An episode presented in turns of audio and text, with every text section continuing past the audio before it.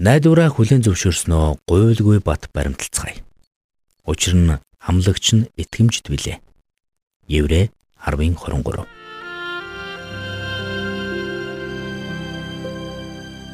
Мэргэний сонсог, мэдлэгийн тэлэг. Ухаалх нь мэрэгэн өдөртөмжийг мөн авах.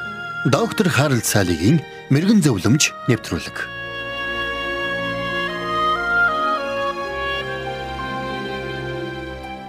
Тэрээр номхон далайг сэлүүрт заваар туулан гарах оролдлого хийж 15 мянган км аялсан ч харамсалтай зорилгодоо хүрэхээс ердөө 50 км-ийн өмнө аяллаа зогсоосон юм. Питер Борд номхон далайг сэлүүрт заваар туулан гарсан анхны хүн болох зорилгоо үртлэн Америк нэгдсэн улсын Сан Франциско хотоос хөдөлжээ. Тэрээр энэ зорилгодоо бараг л хүрсэн юм. Гэвч түүнийг Австралийн зүүн эрэгт дөхөж ирэх үед ширүүн шуургадэгджээ. Тэрээр Австралийн зүүн эргийн ойролцоох шүрэн арлууд дундуур нэвт гарч чадвал зорьсондоо хүрэх байв. Гэвч тэрээр зорж байсан газраа олсонгүй. Тиймээс радиогоор тусламж дууджээ. Гэтэл тусламж дуудах үед нь түүнийг олохыг хүсэж байсан гарц ердөө 1.5 км-ийн зайтай байсан гэдэг. Улмаар Австралийн тэнгисийн цэргийнхэн гүн ухаанд нь далайчин Питер Бордыг аварч түүний 10 орчим метр урттай завийг эрэгдээр чирэн гаргасан байна. Хэдийгээр Питер Борд зорилгодоо хүрч чадаагүй ч дэлхийд даяараа түүний эр зориг төсвөр хатуучлыг багтан биширсэн юм.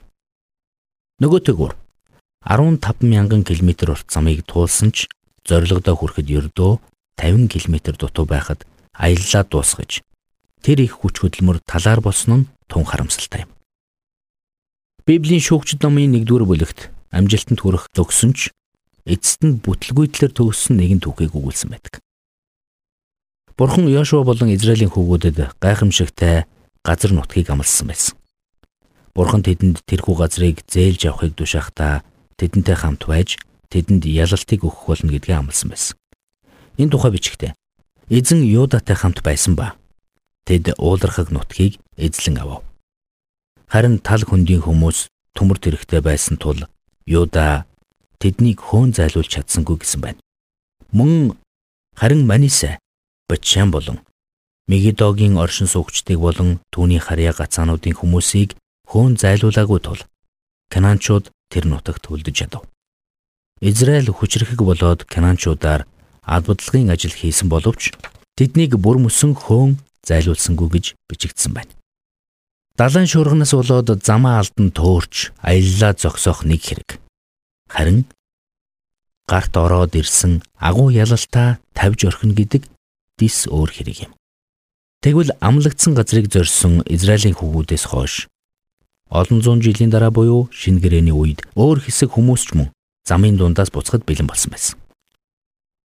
Учир нь тэд маш хүчтэй эсэргүүцэл дарамтанд ор амьдарч байсан юм.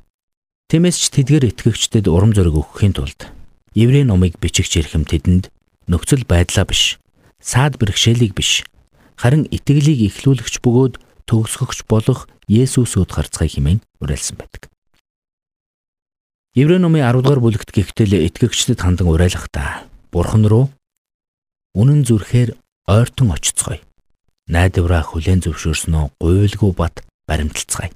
Хайр болон сайн үйлсийг бадраахын төлөө нэг нэгний анхаарч хамтран цуглахыг умартан зуршил болгосон зарим хүмүүсийг үл дагаж бие биенээ улам илүү зоригжуулъя гэсэн байдаг.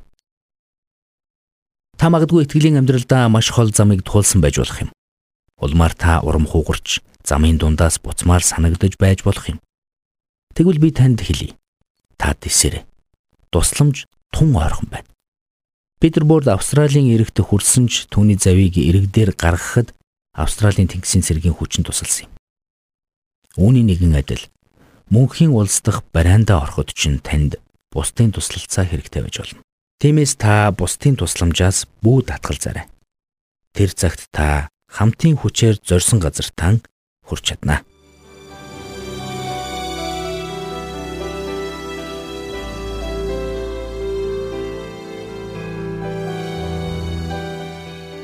Мэргэн нэгнийг дагвал мэргэн, мулгуутай нөхөрлөл хорлол.